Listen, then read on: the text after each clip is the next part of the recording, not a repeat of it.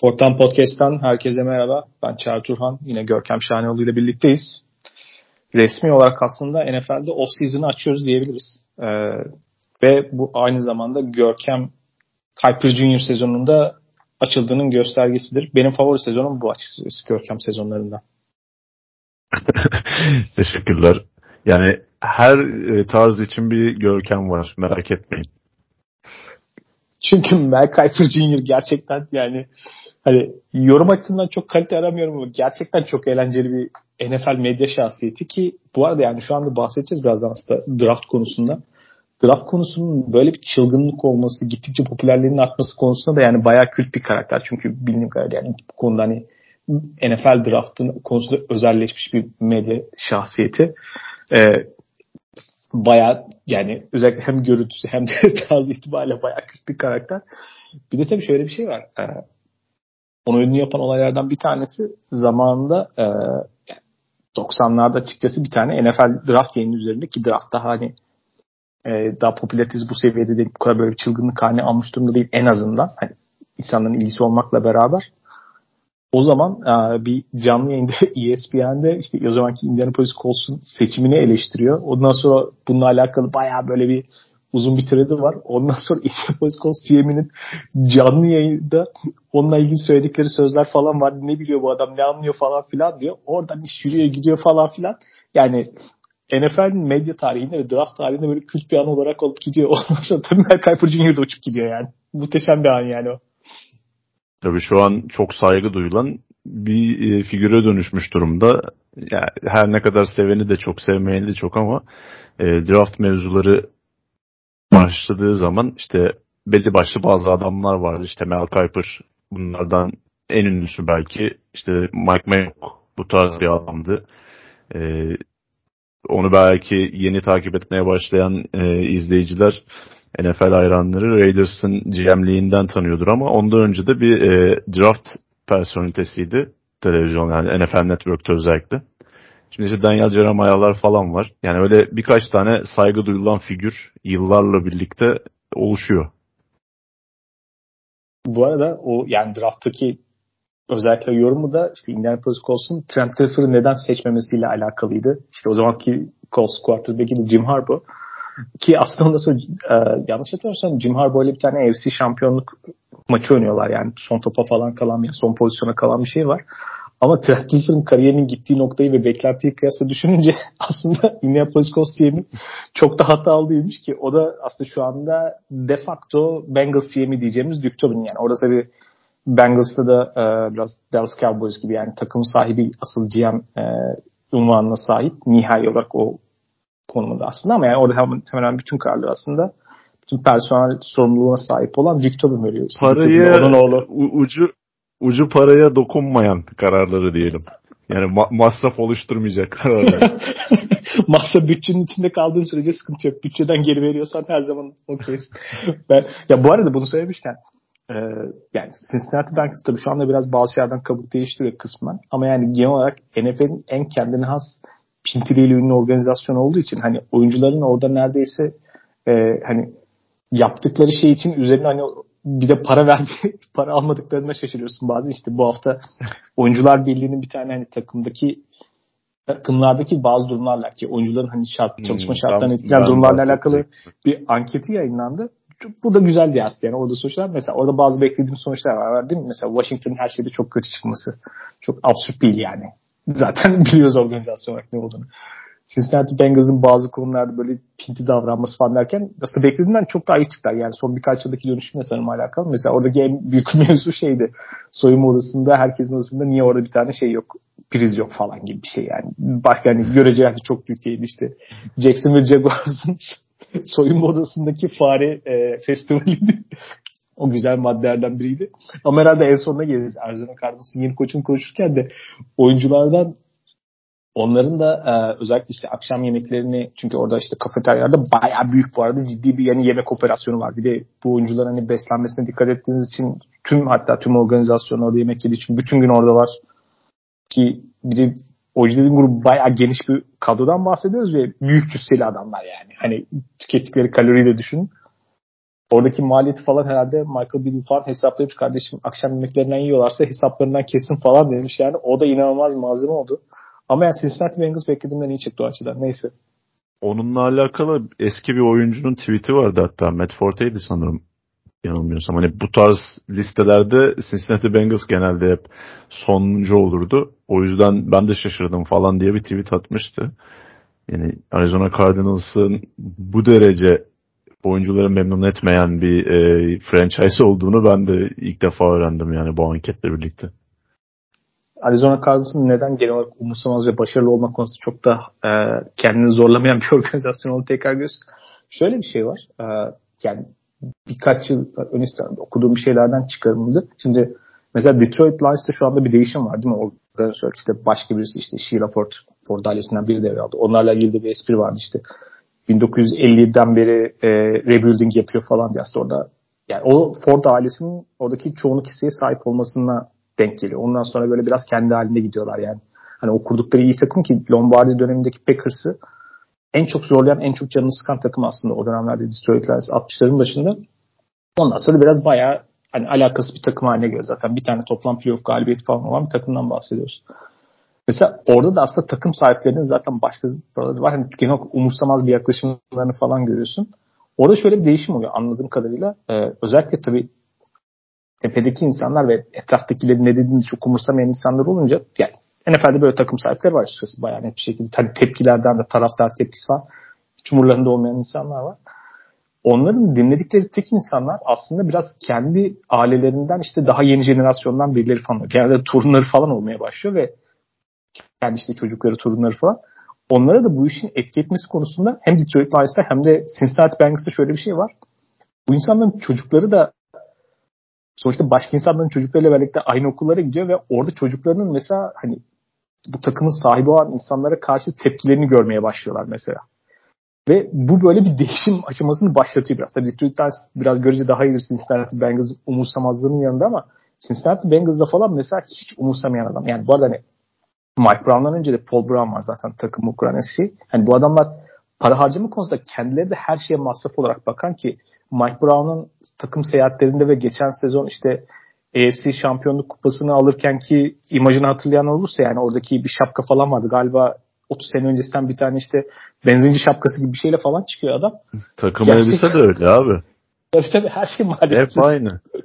ya bana gerçekten kendileri de öyleymiş yani. Adam hani bir yerden bir yere otobüste kendileri de gidiyormuş ya. Buna masraf yok diyor işte. Takım hani tabii ki Paul Brown zamanında bu işte biraz daha bilen biri olduğu için Mike Brown öyle o kadar anlamıyor.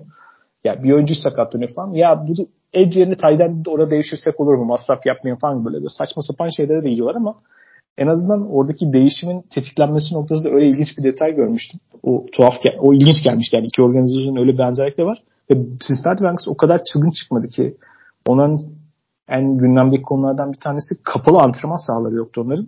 Mesela o da şu anda inşa ediliyor yani. Yani zahmet oldu biraz ama 2023 yılında. Orada biraz Joe Burrow efekti var ya. Açıkçası yani örneğin dijital tarafı falan para harcamaları falan Kes, başladığını görüyoruz. Kesinlikle. Kesinlikle. Yani biraz artık pazarlayabilecekleri bir takım ve pazarlayabilecekleri bir quarterback var ellerinde. Daha fazla göz önündeler artık. Yani şimdi Andy Dalton'ın günahı neydi diyecek olursan e, Joe Burrow kadar e, albenisi olan bir quarterback değildi diyeyim.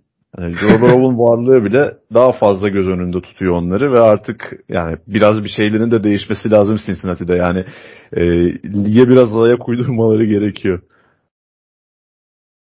Yani e, işte soyunma odasında işte e, Moneyball filminde falan var. Onun film versiyonunda falan vardı işte böyle soyunma odasında içecek otomatından falan oyuncular para ödemek zorunda kalıyor Cincinnati Bengals'ın işte hazırlık kampında kaldığı yerde falan böyle odalarda televizyonlar falan sökülüyordu. Böyle her şeyi ekstra para ediyorlar.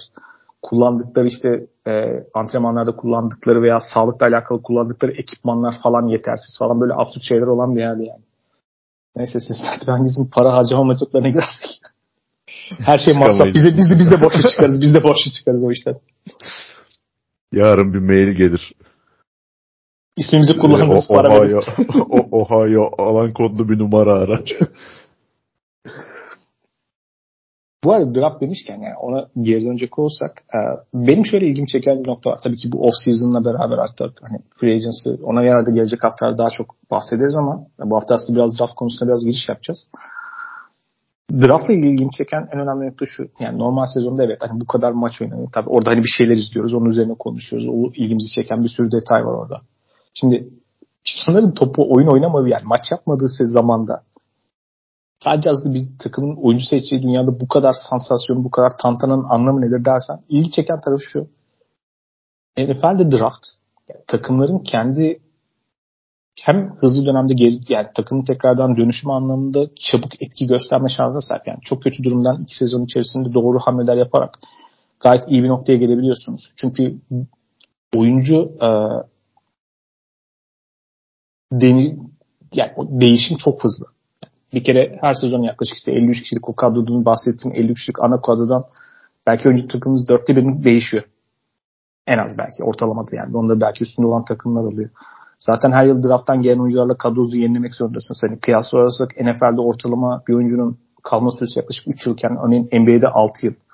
Ki NFL'de bir de oyuncuların yıpranma ve premium oyuncuların çok çabuk, daha çabuk bir şekilde dışarı çıkma durum var yani. NBA'ye göre biraz da mesela öyle bir fark var. O yüzden de aslında NFL draftı takımların oluşturma yani takımların kendini yapılandırması noktasında çok çok kritik bir öneme sahip. Hemen herkesin aşağı yukarı hardcap uygulaması olan bir dünyada benzer bir kaynağa sahip olduğunu varsayarsanız hani sonsuza giden senaryo teorik olarak o zaman hem işte salary cap yapacağınız harcamalar hem de drafttan bir şekilde gelen çaylak kontratında olan oyuncuları kullanma şeklinizle beraber kaynakların çok eşitli olduğu ve görece sınırlı olduğu bir dünyada eldeki her kaynağınızı en iyi şekilde optimize etmeniz gerekiyor başarılı olmak için. O yüzden de ya draft gibi konularda böyle çok fazla detay, çok fazla dikkat edilmesi gereken nokta oluyor ve bu aslında aslında bu getirdiği komplike dünyada benim açıkçası çok ilgimi çekiyor.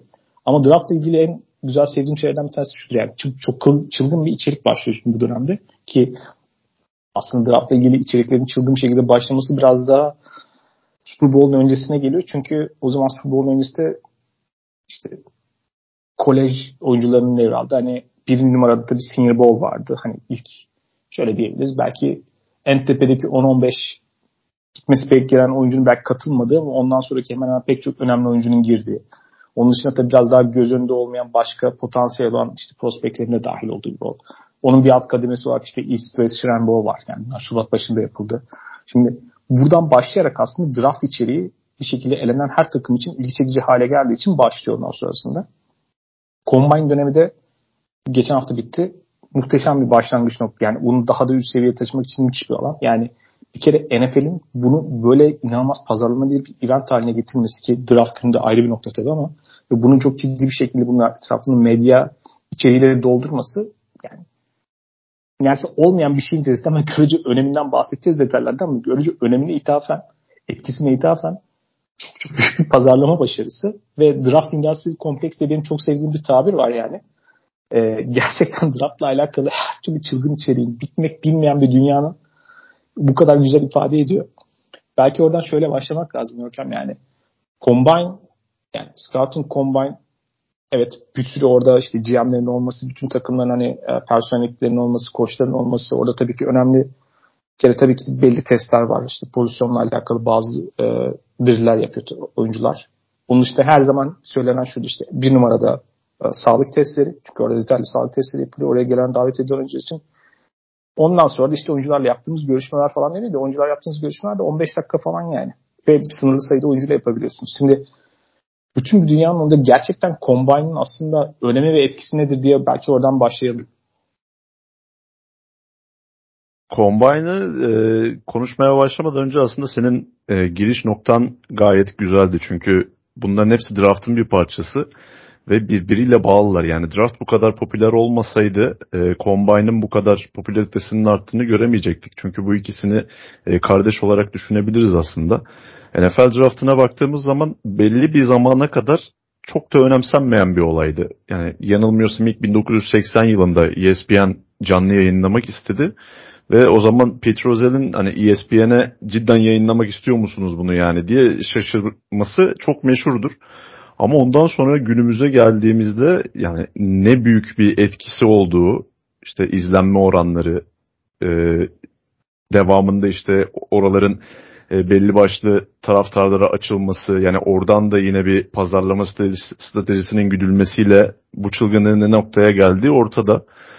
E, bunun da tek e, ve basit bir nedeni var aslında. O da nedir? Umut. Yani benim gibi uzun yıllardır başarısız olan bir takımı destekliyorsanız bunu çok daha net bir şekilde anlayacaksınızdır. Yani draft zamanı bu tarz e, takımların taraftarları için umut demek. Ve bu da e, bu organizasyonu izlenebilir kılan, işte içindeki bilinmezler de e, işin içine girdiği zaman, devreye girdiği zaman ekstra bir keyif veren bir organizasyon haline geldi. Yani keza hani Green Bay de bu işin içine katabiliriz şu noktadan.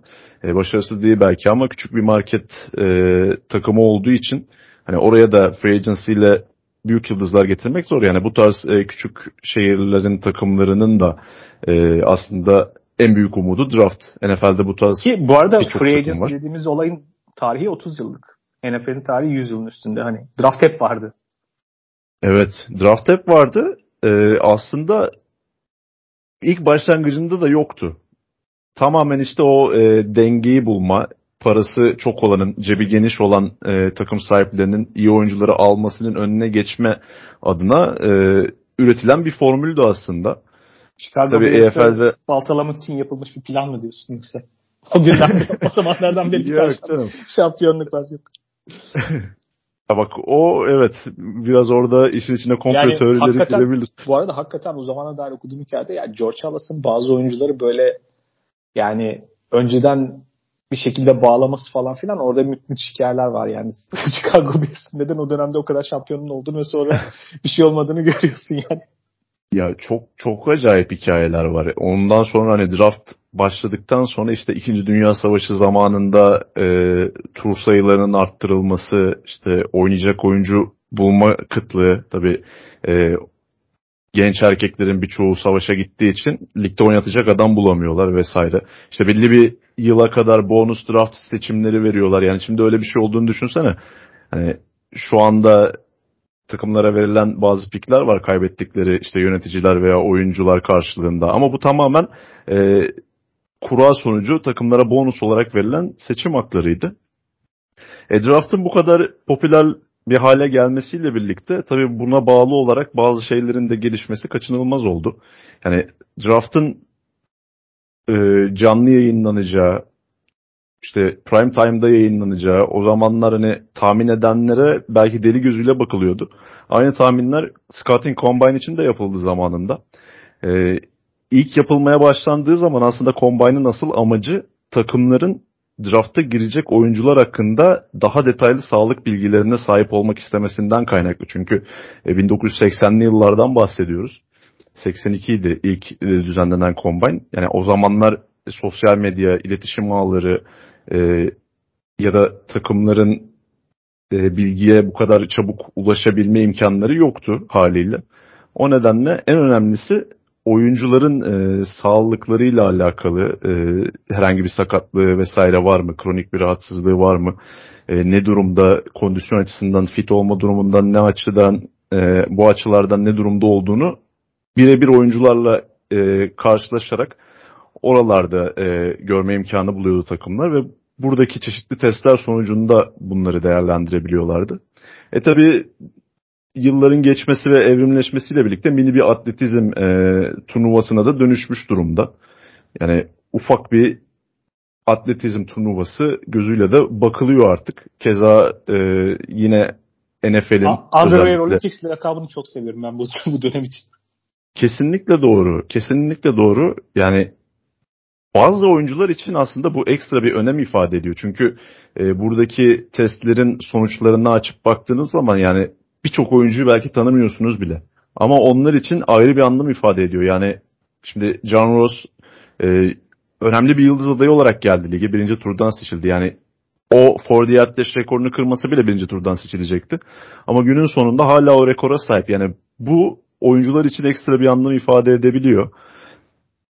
Ee, yani dediğim gibi Combine'da bu saha üzerindeki testlerin özellikle yani seyircinin görebildiği, işte işin içine girebildiği e, kısımlarının biraz da böyle pazarlama stratejisiyle birlikte kasten popülerleştirilmesiyle yani özellikle Ford Yard Dash mesela çok e, merakla beklenen bir etkinlik haline geldi ki baktığın zaman yani e, oyuna etkisi ne derecede tartışılır. Oradaki tüm driller için bunu tartışabiliriz ama hani özellikle e, 40 yard koşusunun çok e, popüler olmasından dolayı bunu söylüyorum.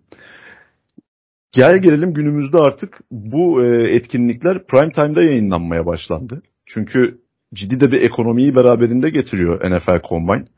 E, hem bulunduğu, düzenlendiği şehre ekonomik olarak katkısı. Çünkü düşünecek olursan yani orada 300'den fazla e, sporcu, bir o kadar e, takım yetkilileri, işte menajerler, e, saha çalışanları yani inanılmaz bir e, insan topluluğu geliyor bir haftalık süreçte. Ve Indianapolis'ten hani e, bir ara işte combine alınıp başka yerler çünkü başka şehirler aday oldu bunun için yani ciddi bir ekonomi. Evet, hala Indianapolis gibi görece küçük bir yer için ya onlar için çok büyük sıkıntı hale getirecek noktaya geldi yani. Ya o zaten yani Indianapolis için hayati belki şehrin en büyük gelir kaynaklarından birisidir. Çünkü e, 7-8 milyon dolarlık bir ekonomik etkiden bahsediliyor e, bu bir haftalık süreçte. E, ki 87'den beri de Combine sürekli geleneksel olarak Indianapolis'te yapılıyor. Bu yıl da yine e, bu etkinliklerin özellikle Los Angeles veya Dallas'a taşınması çok tartışıldı. Ama Indianapolis'in şöyle bir avantajı var. E, bu Lucas Oil Stadyumu sırf aslında bu combine düşünülerek de biraz inşa edilmiş bir stadyum. Çünkü öyle bir alan ortasında kalıyor ki yani hem hastaneye e, hem otellere hem işte toplantı alanlarına sizin işinizin düşebileceği yani combine ile alakalı e, ihtiyacınız olabilecek her şey yürüme mesafesinde. Çok e, yakın mesafelerde. E, diğer şehirlerde bunların e, bulunması çok kolay olmayacak. O yüzden yani, bu muhabbet senelerce devam edecek belki ekonomik getirisinden dolayı. Hani bazı şehirlerin ağzını sulandıracak burada dönen paralar. paralar. Ama hiçbirisi Indianapolis kadar avantaja sahip olmayacak ve bence e, Combine'in Indianapolis'ten başka şehirlere gitmesi de çok olası değil aslında. Ee, ya bu işin ekonomik ve e, pazarlama boyutuydu. Saha içine biraz dönecek olursak yani Combine'ın değeri hala çok yüksek. Yani artık e, takımlar bazı bilgilere özellikle oyuncuların sağlık raporlarıyla alakalı bilgilere daha kolay ulaşabiliyor. Yani artık her takımın e, bölgesel gözlemcileri var. Hatta her takımın e, oyuncuları araştıran e, dedektifleri var diyeyim. İşte sağ dışı e, olaylarla alakalı. Çok fazla gelişti bu artık ama yine de e, çoğu NFL'deki GM'in, koçun oyuncuları belki de ilk defa birebir gördükleri yer burası. E, çünkü yani takdir edersin sezon içerisinde özellikle yıl içerisinde e, koçların ve GM'lerin kalkıp işte atıyorum e, Chicago'daki bir koçun ya da GM'in kalkıp ülkenin bir ucuna işte e, Oregon'a gitmesi ya da ne bileyim daha şeyde işte Arizona'ya falan gitmesi orada e, oyuncuları izlemesi çok mümkün değil. Yani bunun için bölgesel scoutlar var. Ancak e, işin artık e, son noktalarına geldiğimiz anlarda bu yetkin isimlerin oyuncularla bir araya gelmesi, onları görmesi gerekiyor ve bunları bir arada yapabilecekleri bir e, ortam sunuyor NFL Combine. Hem e, görüşmeler bazında hem de oyuncuların atletik e, yeteneklerinin ölçme bazında. Bu nedenle e, çok önemli bir etkinlik tabii ki. Yani gerçek anlamda hani oyuncuların değerlendirmesine etkisini demişken mesela işte Dan Campbell gene Combine ile alakalı e, etraftaki tabii o esprilerden en güzellerinden bir tanesiydi. Yani oyuncular pijamalar üzerinden değerlendiriyorsun sonuçta. Yani oyuncuların oynadıkları maçlar var. Film üzerinden değerlendiriyoruz demişti. Ve işte geçenlerde şey dinlerken e, Thomas Dimitrov eski Atlanta Falcons ve uzun yıllarda eski Atlanta Falcons GM uzun yıllarda da e, New England Patriots'la çalışmıştı. Mesela şöyle demişti yani Combine'ın toplam değerlendirme etkisi yani kimse bunun yüzünden böyle inanılmaz bir yerlere gelmeyecek zaten gelmiyor demişti ama Evet asıl mevki ama bazı kritik pozisyonlarda ve bazı o pozisyonları önemeden bazı testlerde eğer sıkıntılı bir durumumuz var sizi biraz aşağı çekebilir. Hani etkisi biraz aslında ondan bahsetmişti. Sanırım yani en temel nokta aslında bu bazı şeyler açısından. Ee, bir de şu var tabii Combine eskiden oyunculara dair saf atletik bazı verileri elde etme konusunda daha iyi bir noktadaydı. Şu anda ise aslında biraz da farklı oyuncularla alakalı en azından iyi prospektlerle alakalı diyeyim. Başka yerlerden de daha iyi veriler elde etmiş. Çünkü özellikle mesela hız tabii ki önemli bir nokta ama mesela hız ve hareket etme becerisi. Onunla alakalı mesela işte Cooper Cup'ın birkaç yıl önce yani Cooper Cup'ın 40 yard dash zamanı falan çok iyi bir zamanlama değil ama herhalde Cooper Cup'ın hızıyla alakalı çok fazla insanın şüphesi yoktu şu an o sahadaki o performansını görünce. Ama mesela onun Senior Bowl'da işte GPS cihazlarıyla bakılan kızına bakarak mesela o zaman Los Angeles Rams ya onu o kadar önemli değil. Mesela biz bunu gördük ve o biz daha rahat bir şekilde bu tercih etti demişti. O zaman işte e, Smith Rams GM'i. Keza artık sahadaki yani normal sezonların işte hem kolejde olsun hem bu tip başka yerlerde olsun. Bir şekilde özellikle hem GPS verilerinin daha fazla olması gibi noktalarda aslında takımları bu konularda biraz daha iyi veriler sunuyor. Yani o yüzden buradan aldıkları atletik testlerdeki verilere görece onların ihtiyacı biraz daha azalmış durumda ama tabii ki tarihi olarak böyle bazı kendilerine has şeyler falan var yani. Özellikle de bazı takımların bazı pozisyonlarda yani çok net mesela keskin atletik eşik değerleri oluyor işte. İşte şu boyda şu kiloda olan bir işte şunun altında koşarsa şunun altında işte e, şu dirilde şunun altında kalırsa falan vesaire falan gibi bazı şeyler var yani. Orada biraz Mendoza çizgisi denilen bir şey vardır. Alt eşik değeri falan var. Mesela onun dışında kalan oyunculara falan sert bakmama alışkanlıkları vardır. Bazı takımların. Ama onun dışında e, biraz aslında yani kendi verilerini de dolduruyorlar diyebilirim şu anki dönemde ve atletik açıdan baktığımızda zaten gelen oyuncular çok ciddi bir kısmı yani hani kolejdeki en elit oyunculardan geldikleri için buraya gelen oyuncular bu atletik oluşan veri tabanlarında şu anda aslında en kolay anlaşılabilir kullanılabilenlerden bir tanesi bir Late Athletic Score, Athletic Score diye bir metrik çıktı ortaya. Yani son birkaç yılda özellikle oyuncuların RAS. kendi RAS.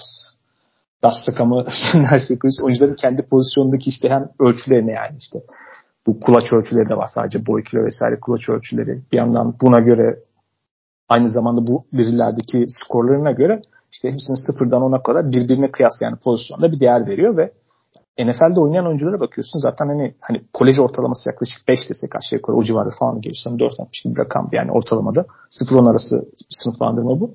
Zaten yani NFL'de oynayan oyuncuların çoğu 8'in üzerinde. Çok büyük kısmı. Çok nadire. Çok çok iyi olan oyuncular zaten yani 8.5-9'un üstünde her zaman. Pozisyon ne olsa olsun. Hani zaten orada hani biraz tabii ki atletik yeteneği daha az olan oyuncuların daha kolay geriye düştüğünde oradan biraz da anlayabiliyoruz. Hani atletizm niye bu kadar takıntılı bu takımlar dersen çünkü yukarıya zaten çıktıkça hani ne kadar oyun bilgin, becerin, başka şeylere sahip olsan da o kadar üst seviyede atletler bir araya geliyorlar ki atletizm açısından e, gelen oyuncular. Takımlar da şuna örneği önceliklendiriyor aslında yani. Zaten kolejden gelen oyuncudan mutlaka geliştirmem gerekiyor. Yani oradan gelen oyuncu hazır kullanacağım bir şey yok. Pek çok oyuncu için. E o zaman zaten ben atletizmi olan oyuncuyu alıp görece atletizmi zayıf olan belki daha hazır bir oyuncuya kıyasla ben onun gelişimine oynarımı biraz da takımlarda tercih ediyor aslında. Ama onun dışında buradaki nihai testler neyi etkiliyor dersem e, yani ama belki bazı pozisyonlar bazındaki şeyler daha önemli diyebiliriz sanırım. Yani özellikle de e, Silicon Drill falan mesela o tip şeyler biraz daha önemli sanırım. Yani takımların bazı pozisyonlar bazında bir şeydir. Çünkü örneğin bahsettiğim 40 5 var. Evet o çok popüler ve o aslında biraz gösteri şeyi. Ama kaç tane pozisyon için gerçek anlamda alalım. Zaten ne kadar düz bir çizgide koşuyorsun ki o şekilde hızlanarak. Sürekli Neredeyse aslında bir temas var. Için. Hiçbiri için. Ama ne olursa olsun işte wide receiver'lar için kısmen bir anlam ifade ediyor. Mesela safety'ler için daha çok bakıyor. Çünkü safety'ler direkt topa doğru gittiği için mesela onlar için biraz daha anlamlı olduğunu ve bununla alakalı GM'lerin biraz daha önem vermek için. Mesela cornerback'lere bakıyorum zaten sürekli yan veya geriye doğru gidiyorlar yani adam hani öyle bir ileriye doğru gitme hızı diye bir şey yok aslında. Ama şu var tabii ki saf atletizmi görme açısından iyi bir şey. Ama mesela Ford yardta aslında en önemli kısım o ilk 10 yardlık. Aynen 10 yard dedikleri kısım. Yani o sizin zaten reaksiyonunuzu ölçen bölüm. Yani tam 40 yard'a bakmaktansa o 10 yardlık e, süre daha çok anlam ifade ediyor takımlar için. Yani mesela bu yani Combine'dan aklımda kalan notlardan bir tanesi işte safety sınıfı yani bu grup üzerinde söylersek çok ilgi çekici bir üst seviye bir grup olarak gözükmüyor. Onun göstergelerinden bir tanesi mesela safety sınıfında sanırım en iyi koşanlar 4.57 civarında falandı yani 40 E, Fortier eş zamanı. Bu pek iyi bir rakam değil aslında bir defensive back için. Tam cornerback değilsiniz ve safety'ler için işte biraz daha atletizmi zayıf cornerback olamadığınız için oraya atanan oyuncular falan demiş. Tamam da hani safety'nin biraz daha hızının ve öneminin bence yakın şu dönemde artık özellikle kavutu savunmalarla beraber işte değişken sorumlu kalabilen koşu oyununa daha hızlı girebilen ve hızla beraber o hızın hızlı oyunun parçası olması gereken safety'lerde de aslında hızını arttıran mesela bunun bir soru işareti oldu ve pek çok safety biraz aşağı çekilenler bir şey okudum. Doğru mu bilmiyorum. Hatta tuhafken de söyleyeyim yani Alabama ve Georgia gibi yani hakikaten muhtemelen o takımlarda oynayabilmek için e, arkadan ellerini bağlasanız herhalde böyle 4.40'ın altında koşacak oyuncular bile böyle 4.60 civarında falan kaldığını gördüm. Mesela böyle de ilginç bir detay vardı yani dikkatimi çeken. Aslında biraz pozisyona bağlı olarak bazı drillerin önemini ifade etmesi. Bilmiyorum mesela baktığın bunun dışında baktığın drillerde falan mesela özellikle mesela offensive line'ler için özellikle onların çevikliğiyle alakalı olan driller falan mesela o rakamlar daha anlamlı geliyor ama mesela bench press falan yapıyorlar yani ne etkisi var dersen bilmiyorum.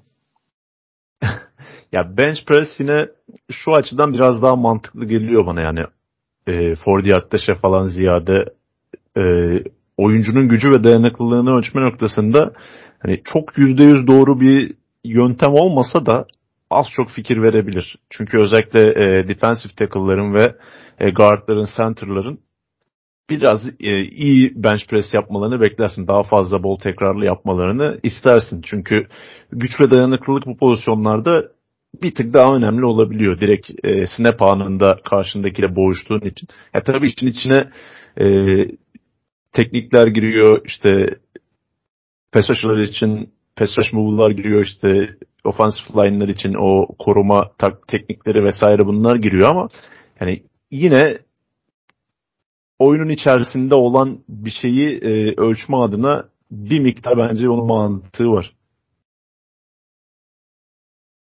Ama tabii her pozisyon için değil yani. Mesela şimdi wide receiver'ın işte running back'in yani bench press'i sana ne gösterebilir dersen hiçbir şey göstermez.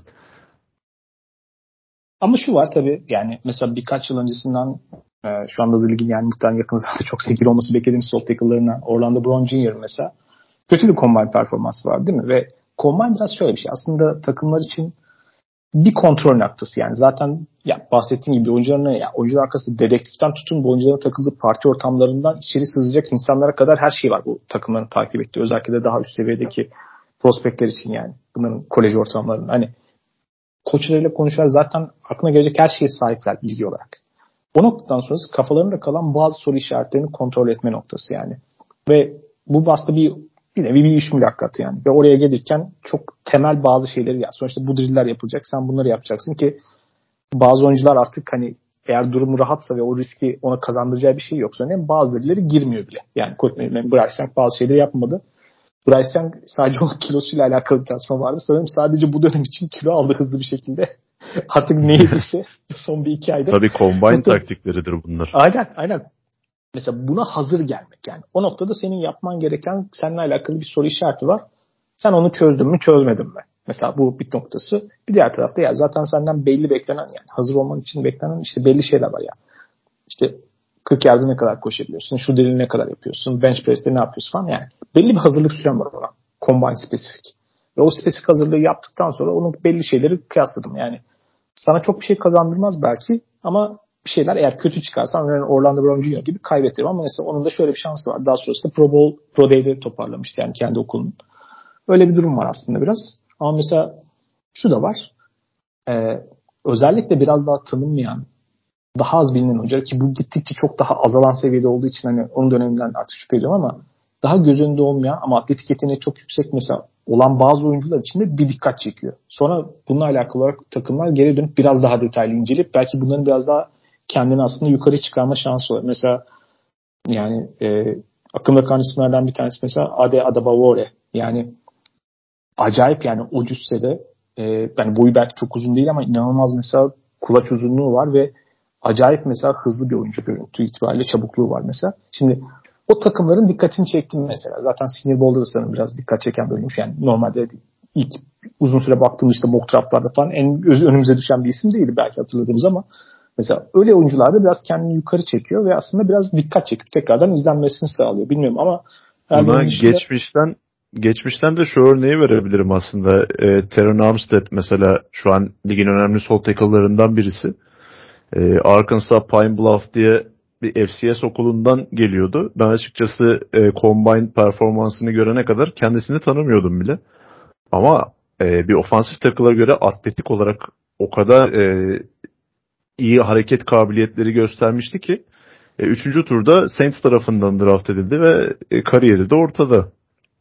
Yani bu oyuncular mesela gidip birinci turdan seçilmiyor ama belki seçilmeyecek veya işte seçilse işte 6. 7. turdan gideceğim bir oyuncu mesela kendini 200'e atabiliyor yani. Öyle bir fark yaratabiliyor aslında. O biraz gerçekçi bir senaryo. Ama herhalde bir tane kazanandan bahsetsek herhalde Nolan Smith'ten bahsederiz yani. Bu arada Georgia Alabama derken Georgia'nın defensive line'ı e, safety'lerden daha hızlı koştuğu için tabii biraz da böyle bir fantastik bir şey oldu. Ama herhalde Nolan, Nolan Smith, Smith gibi profit. Aynen. Devam, sen devam et. Evet. Nolan Smith'in e, performansı ve rakamları inanılmazdı gerçekten. Özellikle e, 40 yard dash'in 10 yardlık kısmında e, yanılmıyorsam bir rekor da kırdı defensive line oyuncuları arasında. E, onun yanı sıra yani günümüzde artık e, pes rusher'ların nasıl evrim geçirdiğinin en net örneklerinden birisi e, Nolan Smith bence. Ki bu sınıfta bu tarz böyle e, freak olarak tırnak içinde niteleyebileceğimiz birkaç tane e, edge rusher var. Yani artık e, güçlü ve e, kilolu cüsseli edge rusher'lardansa hareket kabiliyeti daha yüksek. E, işte daha uzun. Özellikle boy anlamından ziyade kol e, geniş uzunluğu anlamında e, daha uzun oyuncular tercih ediliyor. Oyunun daha hızlanmasının bir getirisi bu aslında. O nedenle bu tarz oyuncuların Combine'da gösterdikleri böyle performanslar onun açısından değerli oluyor. Yani e, bu oyuncu belki ilk turda yine seçilecekti ama Combine'daki performansıyla birlikte e, onu biraz daha böyle perçinlemiş oldu. Yani sen de bahsettin zaten takımların e, kafalarındaki bazı soru işaretlerini gidermesi açısından önemli Combine. Yoksa hani e, Combine performansına bakarak oyuncu draft eden takımlar çok az ve bunlar da günün sonunda pişman oluyorlar zaten. İşte e, Raiders gibi, Jets gibi takımları örnek verebilirim buna. E, Combine artı Pro Day performanslarını göz önüne alarak sadece neden draft yapılmamalıyızın e, örnekleri bunlar. E, onun dışında herkesin tabi e, malumu olan Anthony Richardson'ın çok iyi bir combine performansı gösterdiğini söyleyebiliriz. E, zaten bu beklenen bir durumdu aslında. E, Richardson'ın ortalığı yakması tahmin ediliyordu. Ama e, birkaç tane quarterback rekoru kırması beklentinin de üstüne çıkarttı onu ve günün sonunda e, bahis şirketleri birinci sıra için bile aday göstermeye başladı onu. E, oranı bayağı bir düştü yani favori duruma geldi. Ama tabii yine de e, buna çok fazla aldanmamak gerekiyor. E, atletizm bu oyunu oynayabilmek için önemli olan gerekliliklerden bir tanesi. Ama e, tek önemli faktör değil kesinlikle. Özellikle quarterback pozisyonu için e, çok daha önemli olan özellikler var. Anthony Richardson'ın bu alanlarda ne kadar e, iyi olduğunun analiz edilmesi gerekiyor.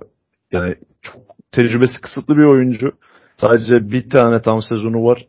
E, hem bu açıdan hem de fiziksel açıdan gerçekten Cam Newton'a benziyor. Ama e, gösterdiği atletizm yeteneği özellikle hız noktasında Cam Newton'ın daha üzerinde. Ama e, Newton'ın o doğal e, sezgileri, doğal quarterback yeteneği Richardson'da ne kadar var? Orası biraz tartışılır. Yani çok ham bir oyuncu. Ama yani günümüzde artık takımlar e, trades over production mentalitesindeler. O nedenle e, Anthony Richardson'ın bu performansıyla birlikte ilk 10 içerisinde seçilmeyi garantilediğini düşünüyorum. Bahsettiğim profildeki mesela atletizm olarak veya işte vücut tipine baktıkları zaman yani hem noktalardan bir tanesi hani belki GM'ler biraz daha işin içinde tabii doğalar. Çünkü onlar bununla alakalı ama Şimdi özellikle koçların daha fazla müdahil olduğu ve daha karar verici noktada olduğu takımlardan itibaren koçların sezonun bitmesiyle beraber ve drafta odaklanmasıyla beraber koçlar ve bazı yani sonuçta bu genelde iyi olmayan organizasyonların yaptığı şeylerden bir tanesidir ama Örneğin bir oyuncuya bakıyorlar, vücut tipini görüyor, yakın atletizminden etkileniyor ve bazı şeyleri görüyor. Ona aşık oluyor. Ondan sonra böyle onun peşinden giden böyle kötü hareketler yapmaya müsaitler yani. Biraz aslında öyle tuzaklar kuruyor yani. Biraz vasat organizasyonları.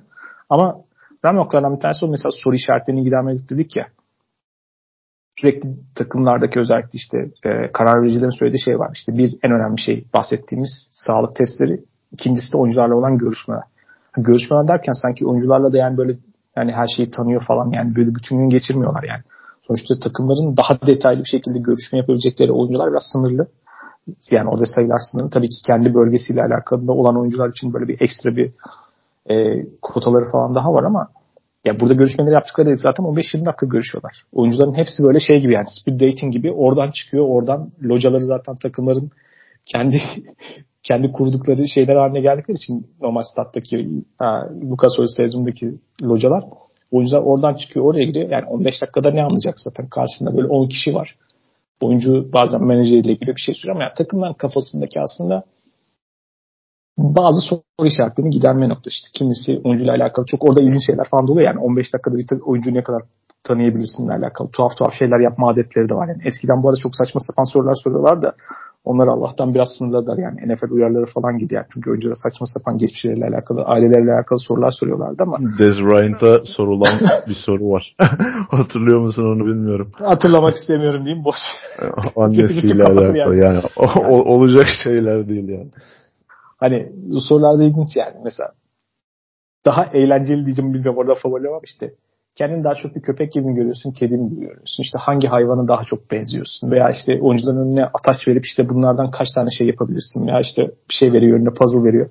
Bunu yap falan diye. Mesela her takımın kendince bir durumu görme ve bir şey görme, farklı bir şey üzerinden bir şey çıkarma isteği var. Yani biraz kendiyle uyumlu mu değil ama işte oyuncunun geçmişiyle alakalı soru işareti olan bir durum varsa mesela sıkıntılı hissettikleri mesela onunla alakalı şeyleri sorabiliyorlar. Yani veya Örneğin aklıma şey geliyor. Devonta White geliyor geçen sezon işte. Onunla alakalı bazı soru işaretleri için onu sormuşlar mesela özellikle bu tip görüşmelerde çok.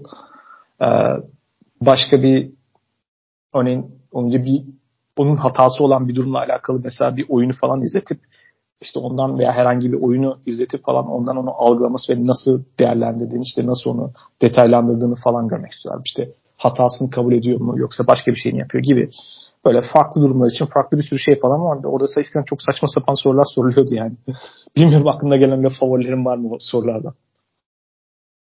Ya bu sorularda bir tane kicker'a yine değişik bir soru sormuşlardı da o şu an aklıma gelmedi açıkçası. Ya işte Dez Bryant'ın ki e, çok net hatırladığım bir durum. E, bir de Jalen Mills'e e, şu an Patriots'ta oynuyor sanırım.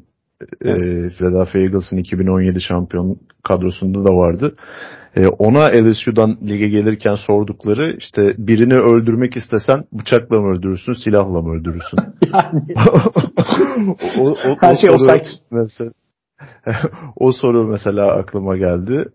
Bir de e, şey de çok meşhurdu bak şu, an düşündükçe aklıma geliyor. Ila Yapıl'a e, sormuşlar Tabi ila yapıl olunca ve soru da biraz garip olunca e, unutulmuyor. E, erkeklerden hoşlanıyor musun? Sorusu sorulmuştu ila yapıla da böyle basına yansıyan. Çok yani e, çok değişik değişik sorular ama bununla alakalı e, bir iki sene önce ESPN'de Mike Tannenbaum'un bir yazısı vardı. Böyle soru cevap şeklinde e, bu interview'larda işte görüşmelerde neler oluyor, nasıl geçiyor tarzında. Yani dinleyicilerimize onu okumalarını tavsiye ederim. Orada e, birçok şeyden bahsediyor aslında. Yani oyuncuların e, özgeçmişlerinden başlayarak işte o 15 dakikalık süre içerisinde e, gerçi bu sene e, 18'e çıkarttılar onu. Toplamda 60 görüşme e, kotası vardı takımların. O 45'e düştü sanırım. Süreyi 18'e çıkarttılar. Yani o kadar e, yoğun geçiyordu ki o görüşmeler diyor. Hani yemeklerimizi bile o küçücük odalarda hani o interview'lar esnasında yemek durumunda kalıyorduk diyor. Yani hatta bir tanesinde e, Jets'te yöneticiyken o zaman e, Rex Ryan'ın yediği e, şeyden dökülen kırıntılar sonucu odayı karıncalar falan basmış mesela. Yani böyle enteresan enteresan durumlarla da karşı karşıya gelmişler. Mesela bir tane prospektle görüşürlerken e, adam bir başlamış konuşmaya 15 dakika boyunca hayat hikayesini anlatmış. Biz tek bir soru bile soramadık diyor yani. yani çok farklı e, mevzular dönüyor gerçekten de. İşte kimisi hiç e, tek cevaplar, kısa cevaplar verenler de çok oluyormuş. Yani oralarda böyle bir kamera olsa ya da o ortamda olup e, oradaki görüşmelere dahil olmayı isterdim. Ama tabii ki en önemlisi normal bir e, iş görüşmesinden de e, çıkartabileceğimiz üzere e, oyunculara geçtiğimiz sezonlardan yani oynadığı e, bölümlerden bir oyun gösterip işte bu oyunu değerlendirmesi, işte bu oyundaki e, detayları, nüansları açıklamasını istemeleri. Tabi burada e, sadece GM, e, koç vesaire olmuyor işte hücum koordinatörleri, quarterbackler için özellikle quarterback koçları falan da bulunuyor görüşmede. E, oralarda oyuncuların oyun bilgisi, işte oyuna karşı olan e, tutkuları ve kendilerini ifade edebilme yetenekleri yani her türlü etken işin içine girebiliyor. Hatta e, oyuncuların kılık kıyafeti. Yani normal siz bir iş görüşmesine gittiğinizde karşınızdaki siz ya da e, bir sınav kazanıp mülakat ayağı varsa eğer o mülakata gittiğinizde nasıl değerlendiriliyorsanız aslında oyuncular da bu şekilde değerlendiriliyor. Ama bunlar kılık tabii ki... DK Metcalf hatırlıyorsun değil mi?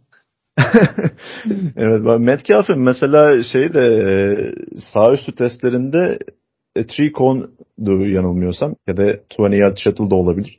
Bir tanesi çok kötüydü rakamları. Hatta o nedenle bayağı bir e, eleştirilmişti. Hatta ikinci tura düşmesinde de ciddi bir payı olduğu söyleniyordu bunun. Yani bu fizikteki bir wide receiver'ın kolay e, haliyle yön değiştirme yetenekleri e, görece zayıf ve bu NFL'de sıkıntı yaşamasına neden olacak görüşü hakimdi. Ama hiç de öyle olmadı ligin en iyi receiver'larından birisine dönüştü. Bu da aslında e, sadece combine performansıyla oyuncuların değerlendirilmemesi gerektiği noktasında güzel bir örnek. Dike Metcalf'in işte Seattle'la olan görüşmesine girerken Dike Metcalf'in işte menajeri şey diyor. Üstünü çıkar. Dike Metcalf'te de yani hani vücut öyle bir vücut ki yani zaten yanında. Hani bu kesin bak Pete Carroll çünkü Seattle biraz farklı bir kültür olduğu için Seattle Seahawks. Pete Carroll'ın hoşuna gider falan diyor. Sonuçta cesur bir hamle. İçeri girerken o üstünü çıkararak giriyor. Pete Carroll bunu görünce Pete Carroll'ın da hoşuna gidiyor. O da üstünü çıkarıyor falan. Bu görüntüyü yayınlamışlar daha sonra. Draft edildikten evet, sonra falan. Hatırladım onu. Çünkü bir sürü oyuncu bir sürü farklı takımların kendince tercihleri var değişen şeyler ve aslında baktığınız şey bir tanesi oyuncuların becerileri ve işte yetenek olarak diyeceksin. Hani onunla alakalı bekledikleri şeyler. Bir diğeri de organizasyonla alakalı uyumlar işte bu daha çok culture fit olarak bahsedilen şey aslında.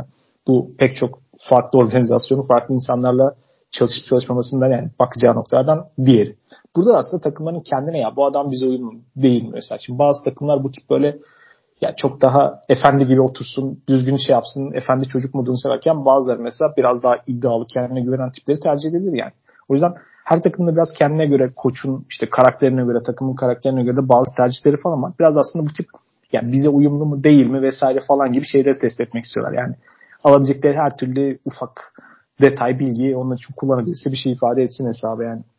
Hatta üst turlar değil de alt turdan seçecekleri evet. yani e, üçüncü günde özellikle draft edecekleri oyuncuları e, büyük oranda bu görüşmeler ve combine'daki performanslar e, sonucu seçiyor takımlar. Yani direkt hadi bir oyuncuyu seçeceğim demiyor da yine draft boardunda yükselmesine neden oluyor.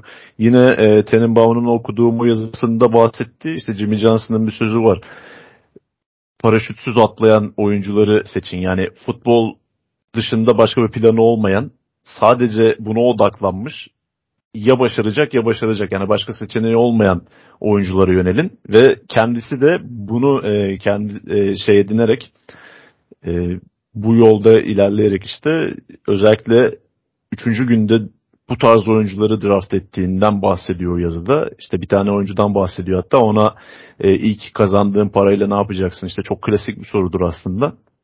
Orada oyuncunun verdiği cevap işte e, ilk yapacağım iş büyük annemin e, dolabını meyve ve sebzelerle doldurmak olacak. Çünkü beni o büyüttü ve o zaman çok yiyecek bir şeyimiz yoktu. Ben işte ona bu şekilde yardım etmek istiyorum diye bir cevap vermiş. O oyuncuyu draft etmiş e, günün sonunda yani 5. turda falan yanılmıyorsam. Hani o ismini açıklamıyor tabii ki ama hani bu tarz e, oyuncunun karakteri hakkında ipucu verebilecek e, bazı anekdotlar günün sonunda draft edilmelerini etkiliyor. Bu arada zamanla e, bir de Wanderlik testi vardı yani şu anda onu kaldırdılar tabii de hmm. o da başka türlü tartışmalara getirir yani bir nevi bir genel yetenek testi diyebiliriz yani. İşte basit matematik sorularından mantık sorularına işte birkaç geometri sorusu gibi daha basit hani genel yetenek testi diyebileceğiniz şeyler sorular yani. Bunu bu arada uluslararası bazı şirketler falan da yapar yani standart olarak. Ama mesela orada tabii bazı oyuncuların işte rakamları yüksek çıkıyordu. Bazılarının kötü. Ki bu da tam oyuncuların aslında yani gerçek anlamda korelasyonu ne seviyede dersen şüpheli yani. Quarterback mesela Brett Favre'ın skoru çok düşüktü işte. Aaron Rodgers'ın doğal olarak beklentisi tabii bayağı iyi mesela skoru. Aaron Rodgers bunun üzerine işte çaylakken kampta Brett Favre'la falan atıyor. Brett Favre ondan sonra bunun arasından hem üstü burnundan getiriyor aslında başka şekillerde falan bunu yapılan şakalarla falan ama böyle şeyler var. Mesela yakın dönemde okuduğum başka bir şey bu özellikle Brock Purdy'nin başarısı üzerinden konuşuyor. Yani başka bir e, STO'du sanırım bir tane aslında daha hızlı Wanderlik hani biraz daha genel mesela şeye daha uygun olarak görüyor yani. Sonuçta bir şey üzerine çalışıp yapabiliyorum yani. Biraz daha işte playbook var.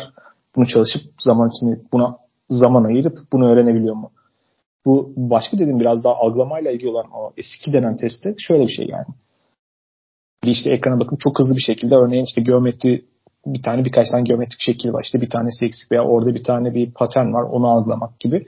Çok hızlı bir şekilde reaksiyon vermesiyle alakalı ve bununla özellikle iyi quarterbacklerle alakalı mesela bununla alakalı bir korelasyon olduğu falan görmüştü. Drew Brees'in rakamı falan. Tabii o NFL'de oynarken yapıyor ama işte mesela çok e, o imajı çok önemli yani kafası çalışan akıllı oyuncu imajı zamanında draft edilirken çok iyi olmayan mesela bu testte çok iyi sonuç veren mesela bir tanesi Josh Allen'mış mesela.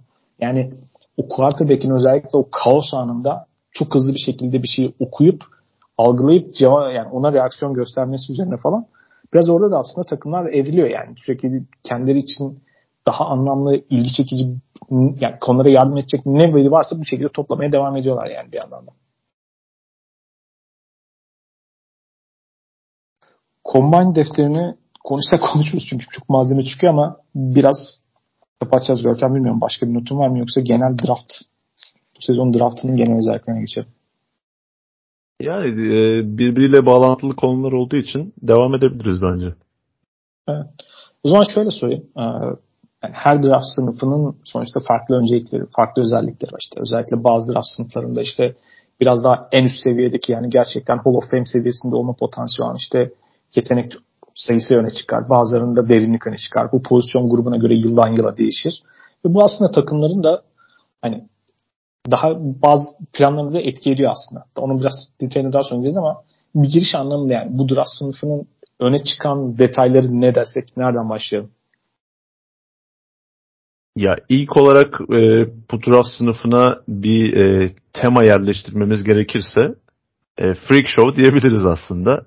Çünkü e, hem undersize atletler hem de artık oversize mı diyeyim ona e, boyutlarının ötesinde atlet olan oyuncular bir hayli fazla. E, bu aslında son yıllarda NFL'de çok yani özellikle draftlarda gördüğümüz bir şeydi draft sınıflarında.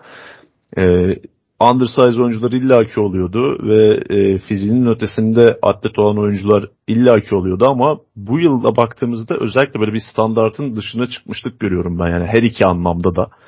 E, Bryce Young tabi burada en öne çıkan undersized oyuncu ama onun yanı sıra işte e, Kela e, ismi neydi tam olarak? Helay, Helay, Helay, yok Elijah Kensey Ha, okay. Kalaja Kansas, Pittsburgh'te değil mi? Pittsburgh'ten olan Aynen. Pittsburgh'in defensive tackle'ı. Yani o da aslında Aaron Donald'la çok karşılaştırılıyor. Neden? Çünkü Aaron Donald da bir underside defensive tackle olarak Pittsburgh'ten çıkış yapmıştı. Ve oyunu değiştiren isim oldu. Çünkü onun e, yakaladığı başarıya kadar defensive tackle belli e, kalıplara yerleşmiş bir pozisyon. Yani belli bir boyun altında olamazsınız, belli kilonun altında olamazsınız e, kollarınızın uzunluğu özellikle belli bir e, uzunlukta olmalı. Aaron Donald bunların hepsini yıkan oyuncu oldu. Şimdi e, Kela, e, Kensey e, onun adımlarını izlemek için geliyor belki. ama ondan çok daha e, hafif, çok daha kısa. Kolları da yine çok kısa. Yani iyice bir uç noktası oldu. Onun yanı sıra işte birkaç tane tight var. Alışılagelmiş tight end uzunluklarından kısa olan işte Dalton Kincaid bunlardan bir tanesi. E, yine e, Laporta bunlardan bir diğeri. Bunların tam aksi şekilde işte Daniel Washington gibi e, bu az önce bahsettiğimiz işte edge rusher'lar gibi işte Harrison var, Zach Harrison var Ohio State'ten. Boyutlarının ötesinde atletizm sergileyen oyuncular var. Yani atletik açıdan çok etkileyici bir grup. Ama e, wide receiver'lar noktasında o kadar da değil. Son yıllarda e, wide receiver'ların e, çok üst seviyede lige geldiğini görmüştük. Bu wide receiver sınıfı yine kötü diyemem ama e, özellikle atletik açıdan önceki yılların bir miktar gerisinde e, yer alan bir wide receiver sınıfı. İşte özellikle burada önemli e, yer tutması bekleyen bazı oyuncuların e, Combine'da atletik testlerde bayağı bir sınıfta kaldığını gördük. İşte Jordan Addison bunlardan biri, e, Keyshawn Booty bunlar bir diğeri ki o sakatlıklar vesaire bayağı geri düşürdü onu zaten. Ama e, wide receiver pozisyonu ciddi ayak kırıklığı yaşattı. Genel wide receiver pozisyonu bu arada demişken mesela wide receiver pozisyonu çünkü son yıllarda çok hızlı bir şekilde şöyle bir trend var artık.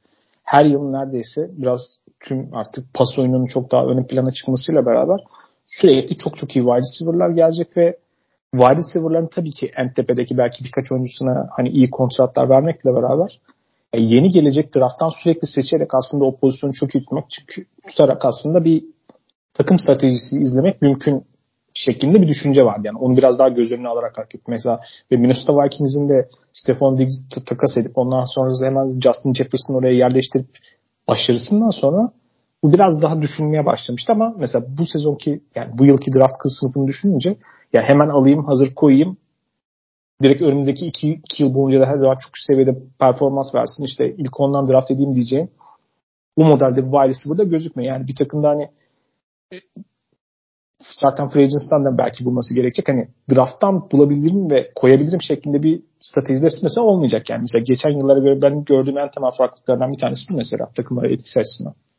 Ya evet e, son birkaç yıldaki kadar net böyle e, al koy sana işte çaylak yılından bin yardı geçsin hatta e, 1200-1300 yardlara çıksın diyebileceğini ilk bakışta bir oyuncu göremiyorsun ama e, ben yine burada Jackson Smith Njigaba'nın ismini ön plana çıkartmak istiyorum.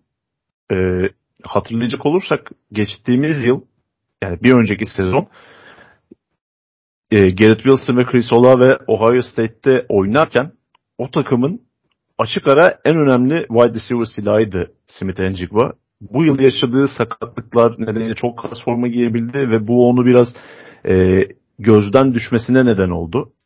Combine performansı çok iyiydi. E, 40 yardı koşmadı. Çünkü onun oyunuyla alakalı en büyük zaten e, soru işareti soru işareti çıkacak bir durum varsa girmiyorsun o topa. çok iyi olay. aynen, Doğru aynen.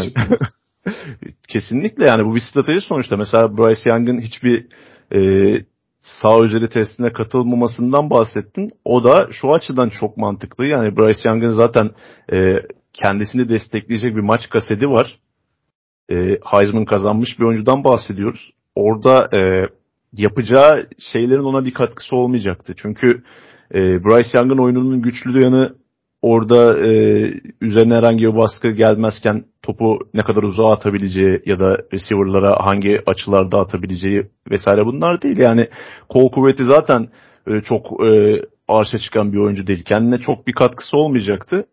Hatta e, belki diğer oyuncuların gölgesinde kalma ihtimali de vardı. O nedenle e, mantıklı bir stratejiydi bence bu. E, Jackson Smith Njigba da oyununun en önemli yönünü e, insanların gözüne e, sokmak istercesine aslında o çabuk yön değiştirebilme özelliğini gösterebileceği e, drill'lere katıldı ve e, 3 yard shuttle'la pardon 20 yard shuttle'la 3 e, con drill süreleri bu sınıftaki tüm receiver'lardan çok daha iyiydi bunu da göstermiş oldu. Yani ben onun e, bu sınıfta diğer receiver'lardan biraz daha ayrıldığını düşünüyorum. Ama onun dışında haklısın yani wide receiver sınıfı en azından ilk bakışta önceki yıllar kadar e, kaliteli gözükmüyor. Peki ne e, bu sınıfta iyi, ne hangi pozisyonun plana çıkıyor diyecek olursan hani benim favorim açık ara cornerback sınıfı.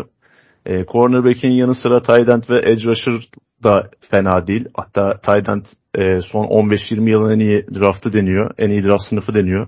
E, geniş, e, çok derin oyuncu grubuna sahip olmasıyla da alakalı bu. Ama cornerback sınıfı gerçekten özel bir sınıf bence. Ee, özellikle geçtiğimiz yıl e, Derek Stingley ve Sauce Gardner'ın gösterdiği performansları da düşünecek olursak yani bu sınıfta belki bir e, Gardner ya da Stingley çıkmayacak. Belki de çıkacak ona bir şey diyemiyorum ama e, ilk turda seçilmeye değecek çok fazla cornerback görüyorum ben. Özellikle Christian Gonzalez benim favori oyuncularımdan birisi bu draft sınıfında. Quarterback'leri e, bir kenara koyduğumuz zaman işte e, Jalen Carter ve Will Anderson Jr. isimleri e, ön plana çıkıyordu. E, biraz Bijan Robinson da her ne kadar pozisyonundan dolayı biraz değer kaybediyor olsa da bunların yanına bir de Christian Gonzalez'i eklerim ben. Yani çok önemli bir cornerback potansiyeli. Zaten e, combine performansı ve devamında oluşan e, Russ kartına da bakacak olursanız e, inanılmaz bir atlet. Yani onun yanı sıra işte Joy Porter, Devon Witherspoon, e, Kelly Ringo, Deontay Banks, Cam Smith, Emmanuel Forbes, Eli Ricks ki Eli Ricks de biraz e, Keyshawn Boutie'ye benzer tarzda bir oyuncu. E, sakatlıklarla geçen bir kolej kariyeri sonucunda değeri bayağı düşmüş durumda. Yani cornerback pozisyonu oldukça kuvvetli görüyorum ben. Burada bahsettin aslında yani en öne, öne çıkan oyuncular ama yani tabii ki en tepede gidecek oyuncuları belirleme noktasında işte quarterbackler zaten belirli. Ama hani iki tane oyuncunun hani Jalen Carter ve Will Anderson ismi çok ön plan çıkıyor iki tane. Defensive tackle ve edge oyuncusu aslında. Yani eğer quarterback almayacaksam gerçekten benim takımımı üst seviye taşıyacak ve hani hakikaten çok özel prospect gözüyle baktım işte yıllarca sürekli Pro Bowl'da olmasını bekleyeceğim potansiyel oyuncu olarak bu iki isim geçiyor. Belki onlara Bryce Young dahil edilir. Farklı görüşler var. Hani ben oyun çok ben için o potansiyeli görüyorum ama mesela bunların dışındaki prospektler için aslında hani sonuçta her draft grubunda belli şeyler vardır ya aşağı yukarı işte. Genelde hakikaten bu bahsettiğim işte Hall of Fame potansiyeli olarak görülen işte tepedeki sezonlar yani yıldan yıla değişen belki 5 oyuncu var ama mesela bu draft kılıfında belki sadece bu iki oyuncudan çok bahsediliyor. Diğer tarafta işte ondan sonrası bir farklı işte seviyeler vardır. Tier olarak bahsedilir. İşte ondan sonra işte herkesin ilk tur notu olarak ilk turda de potansiyel olarak değerlendirdiği oyuncu sayısı takımlara göre değişir. Kimisi 15, kimisi 25. Ama işte bir ilk 40 diye bir şey vardır. Ondan sonra genelde işte ilk 100 diye bir prospect grubu vardır. Ondan sonra zaten tamamen artık oradan ne çıkarsa bahtına gibi ama mesela bahsettiğim yani en tepedeki hakikaten hani quarterback'in de ötesinde yani bu iki tane bu oyuncuların yani fırsat gelirse bunları atlamayıp almak lazım denilen iki tane oyuncu gözüküyor bahsedilen. Gerçekten bu iki isim yani aslında. Yani e, çünkü ön, böyle direkt e, Nick Bosa hype'ında ya da işte Chase Young Chase oyuncular değil değil mi? E, hype'ında gelen oyuncular yok. E, Will Anderson bir sezon önce o oyuncu olabilir gibi duruyordu. Keza Jalen Carter da öyle. Çünkü e, geçtiğimiz yılın yani 2021'in Georgia takımına savunmasına baktığımız zaman yani oradaki herkes neredeyse NFL'e gitti. İşte gitmeyen bir Carter'la Ringo vardı. Onlar da bu yıl gidecekler. Ee, ilk turda seçilen geçtiğimiz yıl 5-6 e, tane 5 taneydi yanılmıyorsam oyuncuya rağmen o takımın en iyi oyuncusu Jalen Carter olarak bahsediliyordu ki bunu görebiliyordunuz zaten izlerken de. İşte bu e, yaşadığı olayları vesaire bir kenara koyacak olursak yani Jalen Carter hala o oyuncu olabilir. Kaçırılmaması gereken oyuncu olabilir. E ben Will Anderson hakkında da aynı şekilde düşünüyorum. Yani e, bu yıl önceki yıla göre biraz düşüşte bir sezon geçirdi Alabama'da. Ama hala özel bir oyuncu bana kalırsa. E, bu ikisine e, ek olarak çok e, sayılabilecek isim yok aslında. E, tabii ki yetenekli oyuncular var. Yani benim gözümde iyi oyuncular var ama kesinlikle kaçırılmaması gereken oyuncu mu? Yani o çok farklı bir e, değer biçme aslında. Mesela ben Bijan Robinson'ı da çok beğeniyorum. Yani bir running back'ten bahsediyoruz artık hani her turda e, iyi running back bulabiliyorsunuz. Oyuna etkisi tartışılan bir noktada ama yani e, en son Saquon Barkley bu kadar heyecan yaratan bir running back profiliydi. Onun ardından Bijan Robinson e, bence aynı heyecanı yaratabilecek bir oyuncu. E bir de az önce de bahsettiğim işte Christian Gonzalez'in e, özel bir cornerback'e dönüşme ihtimali hiç az değil. Bahsettiğin yani özellikle öne çıkan pozisyon gruplarından bir tanesi Titan sınıfı olduğu için söylüyorum. Örneğin sonuçta pozisyonlarda özellikle hem gelen işte prospektlerin sonuçta seviyeleri var. Yani özellikle de işte offensive line'daki en tepedeki birkaç oyuncuyu aldıktan sonra örneğin seviyenin çok hızlı bir şekilde düştüğünü görürüz. Titan grubu içinde bu grup özelinde örneğin hani işte top heavy mi yoksa derinlik mi öne çıkıyor veya ikisi birden mi sahip denilen noktada. Ya bu grubun mesela derinliğinin çok yüksek olduğu ve hani tepedeki oyunculardan yani örneğin ilk turdan bir draft hakkını oraya harcamak yerine işte ikinci günden, ikinci turdan, üçüncü turdan da alacağınız bir oyuncuyla belki onun bir tık altı ama benzer seviyede aslında elinizdeki kaynakları aslında optimize anlatma anlamında mantıklı bir strateji olacağından bahsediyor ki Titan'lerin iyi bir Titan bulmanın şeyini tartışmıyorum. Yani gerçekten hem pas oyunda hem de genel olarak aslında takımımızın çok yönünü çok arttıran bir şey hücum anlamında. Ama ligdeki en iyi ve gerçek anlamda fark yaratan Titan'lara bakıyorum. Hepsi böyle üçüncü tur, ikinci, ikinci tur, beşinci tur falan yani George Kittle, Mark Andrews, Travis Kelsey, hatta belki en iyilerden olan yani Dallas Goddard da o ikinci turdan yani en iyilerden bir tanesi.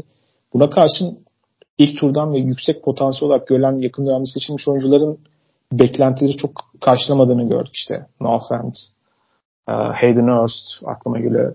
Daha dönemlisi daha Eric önceki Ebron. sezon Eric Ebron, Kyle Pitts şu anda soru işareti olan bir oyuncu.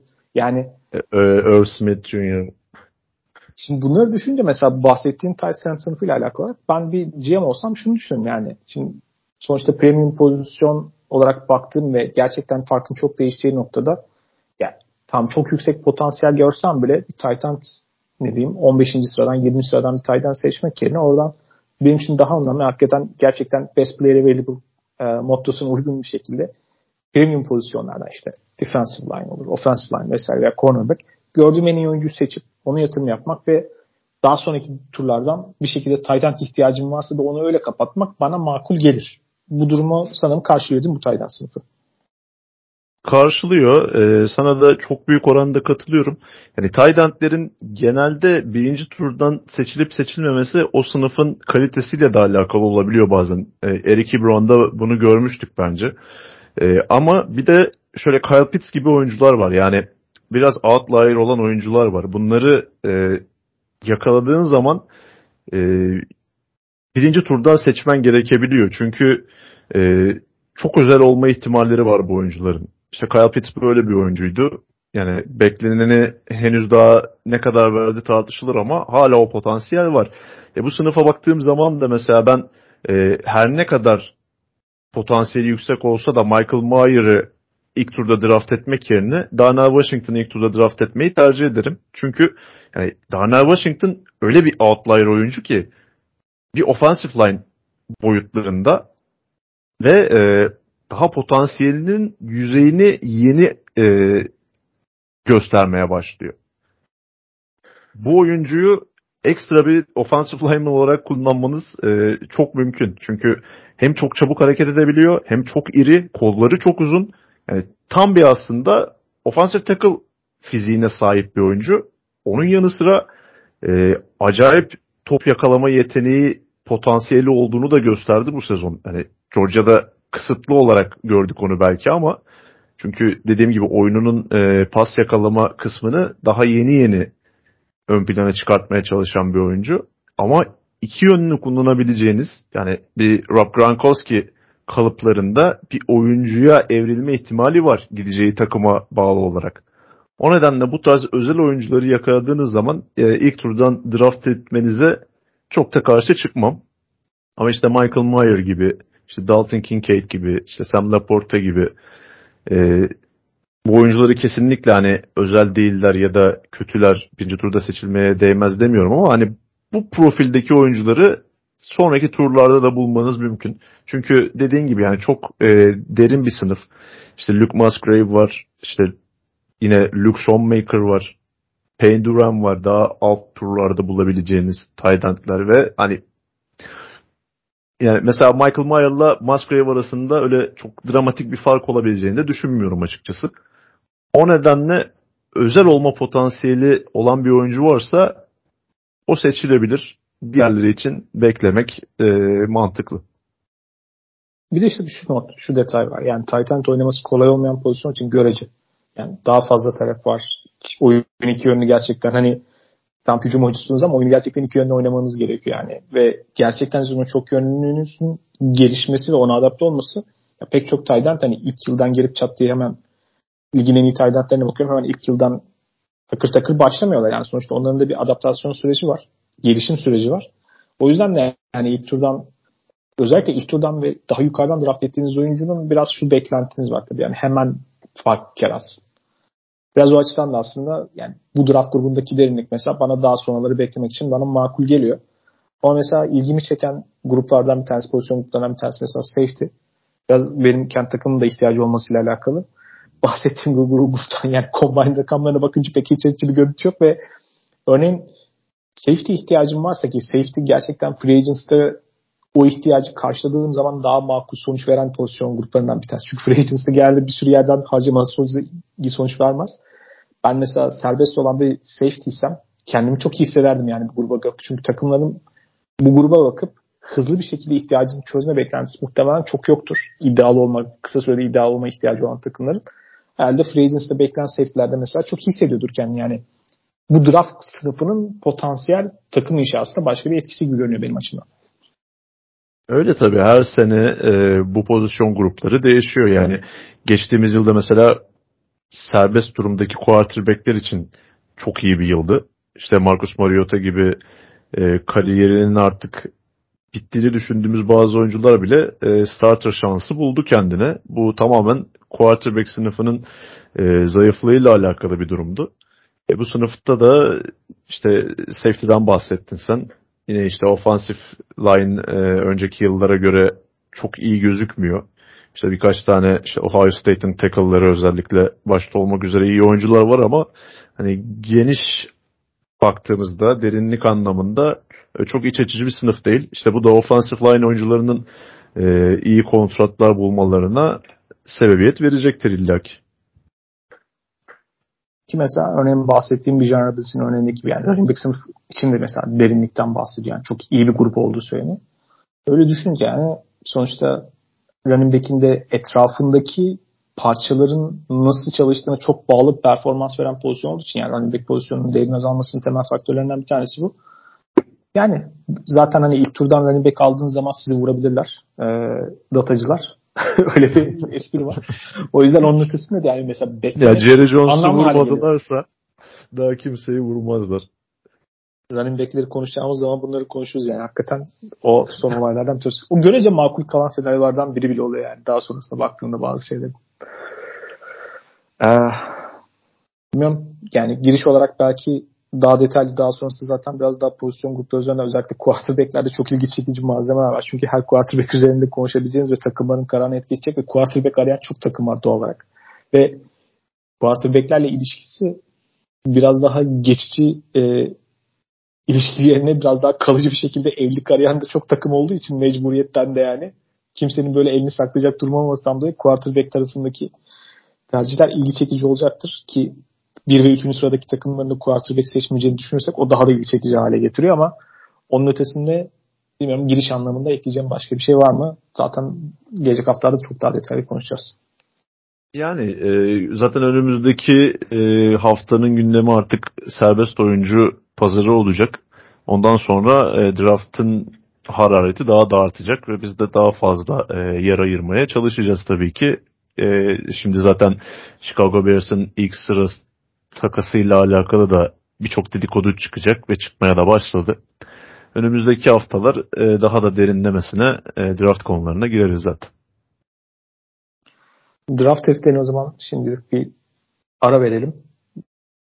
Daha öncesi aslında konuşma fırsatı bulamadığımız e, iki tane aslında koç, yeni koç takımlarına gelen head coach'tan var. Aslında bu takımlarla alakalı biraz onlardan bahsedelim. Çünkü yani işte bir takım için en kritik karar yani head coach kararı. İlk olan aslında Jonathan Gannon'ın Arizona Cardinals'a gitmesi ve bu şöyle bir benzerliği var. Yani birkaç yıl önce gene bir Super Bowl'da beklentilere kıyasla takımın iyi savunması olduğu düşünülen bir takımın facia ötesi bir Super Bowl performansı gösterip elenmesi yani daha doğrusu yani o finali kaybetmesi ondan sonra da başka bir takımın başına geçmesi konusunda ünlü olan Matt Patricia efsanesini hatırlatan bir görüntü vardı Jonathan Gannon'la alakalı. Ama Arizona Cardinals'tan bazı yani daha öncesinde bahsetmiştik. Yani bir kere verilen kontrat var. Orada verilen kontratın karşılığının alınmasıyla alakalı çok fazla şu an soru işareti var.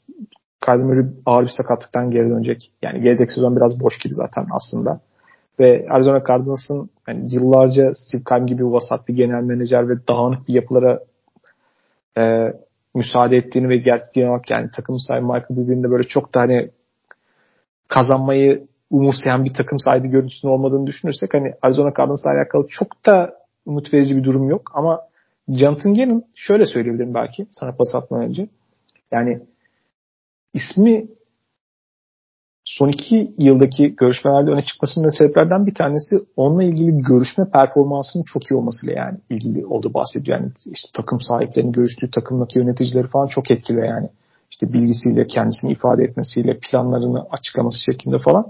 Şimdi bu görüşmelerin gerçek anlamda ne kadar etki etmesi gerektiği bence ayrı bir konu yani. Geçmiş performansınızla kıyasla.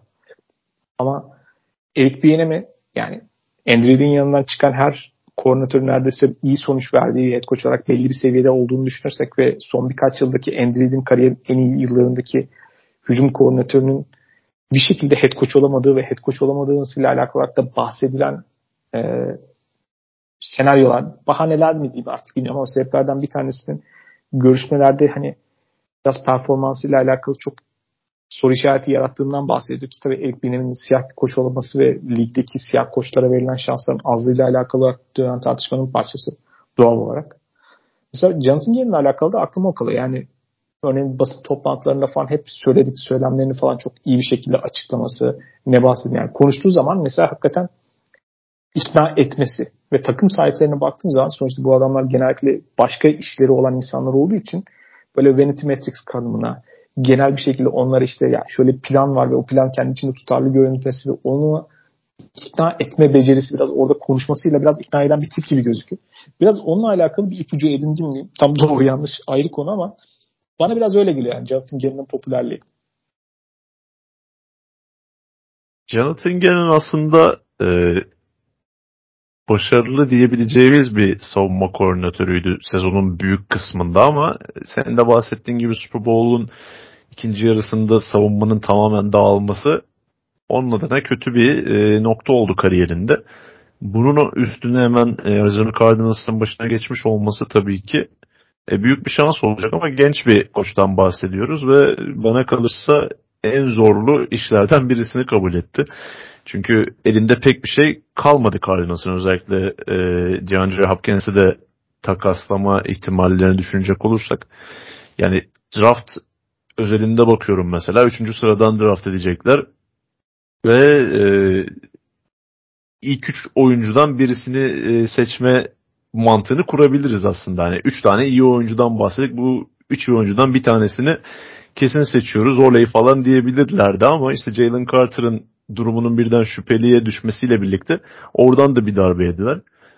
E, zaten Kyler Murray e, gibi bir soruna sahip olacak. Yani sorun diyorum artık. Çünkü yani geride kalan yıllar bize bunu gösterdi. E, idare etmesi zor bir oyuncu izlenimi uyandırıyor. E, genç bir koç olarak onu nasıl idare edebilecek? E, bunun yanı sıra takım yönetiminde ne kadar etkin olabilecek? Bunlar e, belirleyici olacak. Benim açıkçası çok bir başarı beklentim yok. Ama e, genç bir koç olarak şans bulması ve özellikle savunma kökenli bir koç olarak şansı bulması e, NFL'deki koçların çeşitliliği bakımından önemli. Ama dediğim gibi yani e, benim çok bir beklentim yok. Bu biraz Cardinals'tan beklentim olmamasıyla da alakalı bir durum. E, geçiş dönemi için idareten takıma getirilmiş bir koç gibi duruyor. Yani aynı yorumları aslında Nick Sirianni Philadelphia Eagles'ın başına geçtiğinde de yapmıştık. onlar da artık benzer bir e, sonuç umacaklar. E, mümkün tabii ki ama dediğim gibi yani benim çok da bir beklentim yok. E, Kyler Murray'i idare etmek demişken aklıma şey geldi. Sinan Engin, Sergen Yalçın formülü falan oyuncu idaresi için. Yani böyle onun için işte at yarışını izlesin falan diye otobüs 10 dakika geç kalkarmış falan ya. Onu memnun etmek Call of Duty oynayan birini mi getirsinler? İşte Call of Duty oyun zamanlarına göre antrenman programı ayarlansın. Call of Duty seansları yapılsın. Call of Duty üzerinden bazı işte içerideki film seansları falan üniversitesi işte bu kadar Call of Duty yaparsan bu kadar oynayabilirsin falan. Twitch yayıncılarıyla sözleşme imzalansın. falan gibi şey. Bu arada yani e, Jonathan Gannon'ın geçmişine baktığımız zaman mesela bir tane bence ilgi çekici referans benim için orada Mike Zimmer. Yani Mike Zimmer'la birlikte çalışıyor olması. Yani Mike Zimmer bence savunma aklı anlamında ve gerçekten üst yani herkesten böyle yukarıdaki en tepede ayrılan birkaç tane savunma koçundan bir tanesi de benim gözümde. En azından ligde. Tabii şu an ligde çalışmıyor olsa da. O açıdan en azından o yapıyı görmüş olması, yıllarca onunla birlikte çalışması potansiyel olarak onun için iyi bir referans. Onun ötesinde de ben de bilmiyorum açıkçası yani göreceğiz, bakacağız. Ama yani genel olarak görüşme performansı işte oyun bilgisi, kendini ifade etmesi falan derken işte genç ama çok ümit vaden koç olarak sürekli basına haber sızan bir koçtu yani. Çünkü bu sezon ötesi mi? Geçen sezon Philadelphia Eagles bu arada başarılı. Geçen sezon Philadelphia Eagles savunması bayağı faciaydı yani. Ve o takımla hala bu koç nasıl bu kadar ilgi görüyor diye çok tartışılmıştı. Biraz geçen sezonun devamı aslında bu sezon ama bu sezon tabii savunma bir anda çok daha iyi hale gelince ne kadar onun koç olarak adapte olma becerisi ve biraz pasif kalmasıyla alakalı soru işaretleri bence kaydeder soru işaretleri ama biraz aslında hikaye onun potansiyel üzerinden beğenilen bir koç olması üzerinden geçen seneye kadar giden bir olay var. Diğer taraftan Philadelphia Eagles'ın diğer koordinatörü de zaten Super Bowl'dan sonra ayrılmış oldu. Aslında o Super Bowl günü aslında onun haberi çıkmıştı. Ama Shane Steichen o da Indianapolis Colts'a gidiyor. Ee, orada Frank Reich'tan sonra ikinci Philadelphia Eagles Super Bowl'dan sonra diğer hücum koordinatörünü alma şeklinde oldu. Yani Shane Steichen'la alakalı olarak onunla birlikte çalışmış örneğin oyuncuların, koçların iyi referansları var. O bence iyi bir nokta. Yani özellikle e, Clip Rivers'ın mesela referansı güzel bir şey özellikle. Play call olarak performansı dikkat çekiciydi ki özellikle Philadelphia Eagles'ın 2021 sezonun işte ortasından itibaren performansını çok net bir şekilde değiştirmesi. Bu sezonki hücum performansının örneğin play call olarak Şensler için yarattığı fark vardı. Yani net bir şekilde onu hissediyordun. Yani rakibe karşı kontraları kullanma şeklinde onun bir fark yaratması durumu vardı. Örneğin o açıdan dikkat çekici bir noktada ama ne olacak ne bitecek dersek Indianapolis Colts'taki en önemli nokta görüntü itibariyle artık quarterbacklerle bahsettiğimiz geçici ilişkilerin yerine bir evlilik arayışında olan bir takım noktasında muhtemelen draft edecekleri quarterback ve onunla alakalı olarak ne yapıp ne yapmayacağı biraz gidişatı belirleyecek gibi görünüyor ama Jim Irsay'in geçmiş yıllara kıyasla biraz daha dengesiz bir şekilde davranıyor olması bende orada soru işaretlerini daha fazla arttırıyor açıkçası. Shane Steichen benim beklentimin e, Jonathan Gannon'a kıyasla çok daha fazla olduğu bir koç. E, çünkü kariyerine baktığımız zaman çalıştığı oyuncuların e, durumlarını gördüğümüzde bunu e, aşağı yukarı anlayabiliyoruz. Yani önemli bir hücum aklı. Sen Rivers'tan bahsettin. Justin Herbert'ın çaylak yılında e, o da bir çaylak hücum koordinatörüydü aslında. Daha e, o yıl hücum koordinatörlüğüne yükseltilmişti quarterback koçluğundan. Ve günün sonunda Justin Herbert'la birlikte çok iyi sezon geçirdiler. Justin Herbert e, birçok çaylak quarterback rekorunu kırarak yılın en iyi hücum çaylağı oldu. E, Steichen da biraz daha parlama şansı elde etti ve hemen arkasından zaten Philadelphia Eagles'a hücum koordinatörü olarak e, transferi gerçekleşti. Çünkü Chargers'ın e, koç ekibi de değişmişti o dönem. E, Philadelphia Eagles'a döndüğümüz zaman e, Jalen Hurts'le yaptıkları yani hem oyuncu gelişimi açısından hem de takımın hücum performansı açısından yaptıkları oldukça etkileyici bence. E, ilk yılında e, o Sirianni'nin hücum kollarını Steichen'a devretmesinin ardından takımın e, tamamen artık Jalen Hurts'un e, güçlü yanlarını kullanarak farklı bir hücum sistemine dönmesiyle birlikte maçları kazanmaya başlaması ve işte playoff'a gitmesi önemli bir veriydi. Ertesi sezon yani bu sezon e, Jalen daha gelişmiş bir Jalen Hurts'u kullanarak yine onun etrafında e, kusursuza yakın bir hücum dizayn ederek e, yine onun güçlü yönlerini kullanarak çok etkileyici bir performans ortaya koydu. E, bu tarz e, hücum koordinatörlerini ben seviyorum aslında. Yani onların e, ligin de bu şu anki yapısını düşünecek olursak daha başarılı olmaları muhtemel ama tabii e, Indianapolis Colts önceki yılları oranla artık çalışması daha zor bir yer gibi gözüküyor. E, hem Jim Irsay'in yaşadığı bu e, orta yaş bunalımı demeyeyim artık yani yaşlandı o da.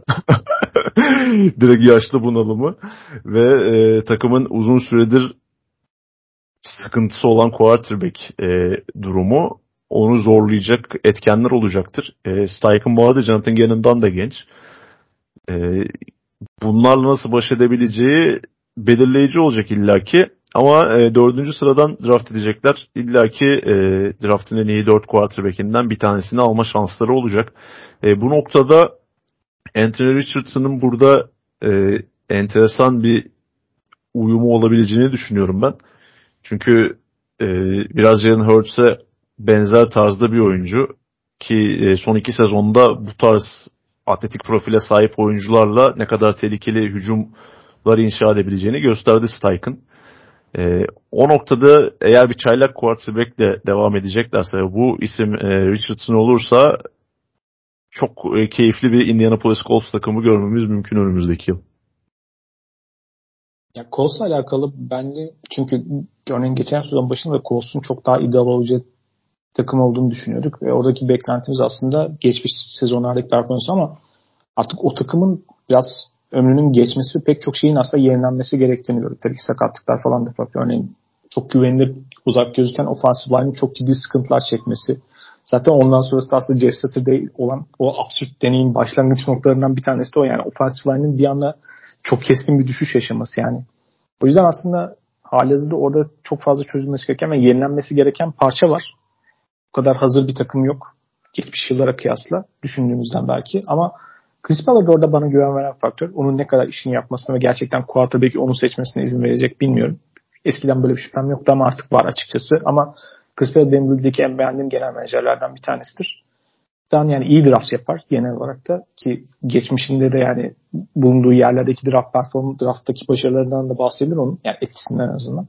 O yüzden o biraz daha bana umut veren tarafı ama yani Jim Irsay'in bahsettiğin o yani mesela Indianapolis Colts'la alakalı çünkü ilk koçla yollarını ayıran takımdı. Yanlış hatırlamıyorsam yok Metro'dan sonraydı. ikinciydi sanırım. O günden beri sürekli koçlarla alakalı ve koç görüşmelerinde yani kaç kişiyle görüştüler. Bir şey falan diyorduk hatta hatırlıyorsun yani Yılmaz Vural herhalde gelecek bu noktada falan. başlamışlar. Bazı koçlar ikinci, üçüncü görüşmeler yapın. Ya bu yanlış değil tabii ama yani alışılageldik bir şey değil ve çok uzun görüşmeler ve Jeff Saturday'in bu noktada bir koç tecrübesine sahip olmamasına rağmen bu kadar uzun süre bir şekilde işin içinde kalmasıyla alakarak ya bahane arıyor herhalde falan haberler çıkmaya başlamıştı Jim Irsay ile alakalı. Bu soru işareti baki kalıyor ama yani genel olarak aslında Chris Ballard'ın orada olması onunla alakalı bence en azından benim en iyi hissettiren şeylerden bir tanesi Colts'a dair. Çünkü AFC South çok ilginç bir hal alıyor aslında. Yani Jacksonville Jaguars'ın yukarıya çıkması.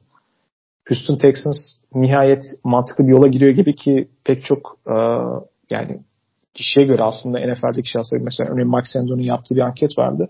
En iyi head coaching pozisyonu neresi diye sorduğunda mesela eldeki kaynaklarla yani draft sermayesiyle birlikte bir yandan da aslında çok gelen koçun kendi istediği yapıyı oluşturmasını müsait kılmasıyla beraber örneğin Houston Texas'tan bahsetmiştik ki o Demico Ryans'la beraber en ilgi çekici takımlardan biri haline geldi. Jacksonville Jaguars'ın yukarıya doğru olan inmesi malum. Tennessee Titans yani Mike Vrabel'la çok sert bir takım zaten. Hani Indianapolis Colts en azından bu şeye katılırsa AFC South geçen senelerdeki rezil durumundan yerde daha en azından ilgi çekici bir hale gelir. Orada ben de benim en büyük güvencem Chris Ballard diyeyim. Var mıdır başka eklemek istediğim bir şey? Yani şimdilik yok. Bakalım göreceğiz. Haftaya yani e, serbest oyuncu anlaşmaları başlamadan önce herhalde tekrardan birlikte oluruz. E, orada özellikle biraz daha free agency mevzularına falan daha detaylı gireriz. Orada aslında neler görüp ve takımların neler beklendiğiyle alakalı. Daha sonrasında zaten hem farklı pozisyon hem de draft gündemiyle alakalı bir sürü o çılgın bahsettiğimiz draftın biraz kompleksin farklı parçalarına giriyoruz ki büyük ihtimalle gelecek hafta aslında ligin yeni yılının resmi olarak başlamasıyla beraber bazı sürüncemede bekleyen kararlarda nihayet ortaya çıkar ki ilk başlamaya başladı bile. Yani özellikle quarterback konusundaki soru işareti. Yani görüntü itibariyle örneğin Lamar Jackson muhtemelen franchise tag olacak gibi gözüküyor. Orada bir uzun süreli anlaşma yok. Onun nasıl bir etkisi olacak göreceğiz. Derek Carr ve Gino Smith'in kontratları ortaya çıktı. Aaron Rodgers mevzu şu anda her, her şeyi bekleten durum. O gidecek mi kalacak mı? Emekli mi olacak vesaire. Muhtemelen yakında bunların cevaplarını alıyor olacağız. Herhalde haftaya da ilk ana gündemimiz bu olacak gibi gözüküyor. Evet özellikle e, Derek Carr'ın Saints'e gitmesinin ardından e, New York Jets'in Aaron Rodgers'ı beklediği ve bu yüzden karı kaçırdığı falan konuşuluyordu. Eğer e, Rodgers'ı da alamazlarsa nasıl bir yola gidecekler e, çok merak ediyorum gerçekten. Evet o zaman Amsterdam'dan Kerem Müller'e bağlanırız. O da herhalde canlı yayında birilerini falan vuruyor olabilir.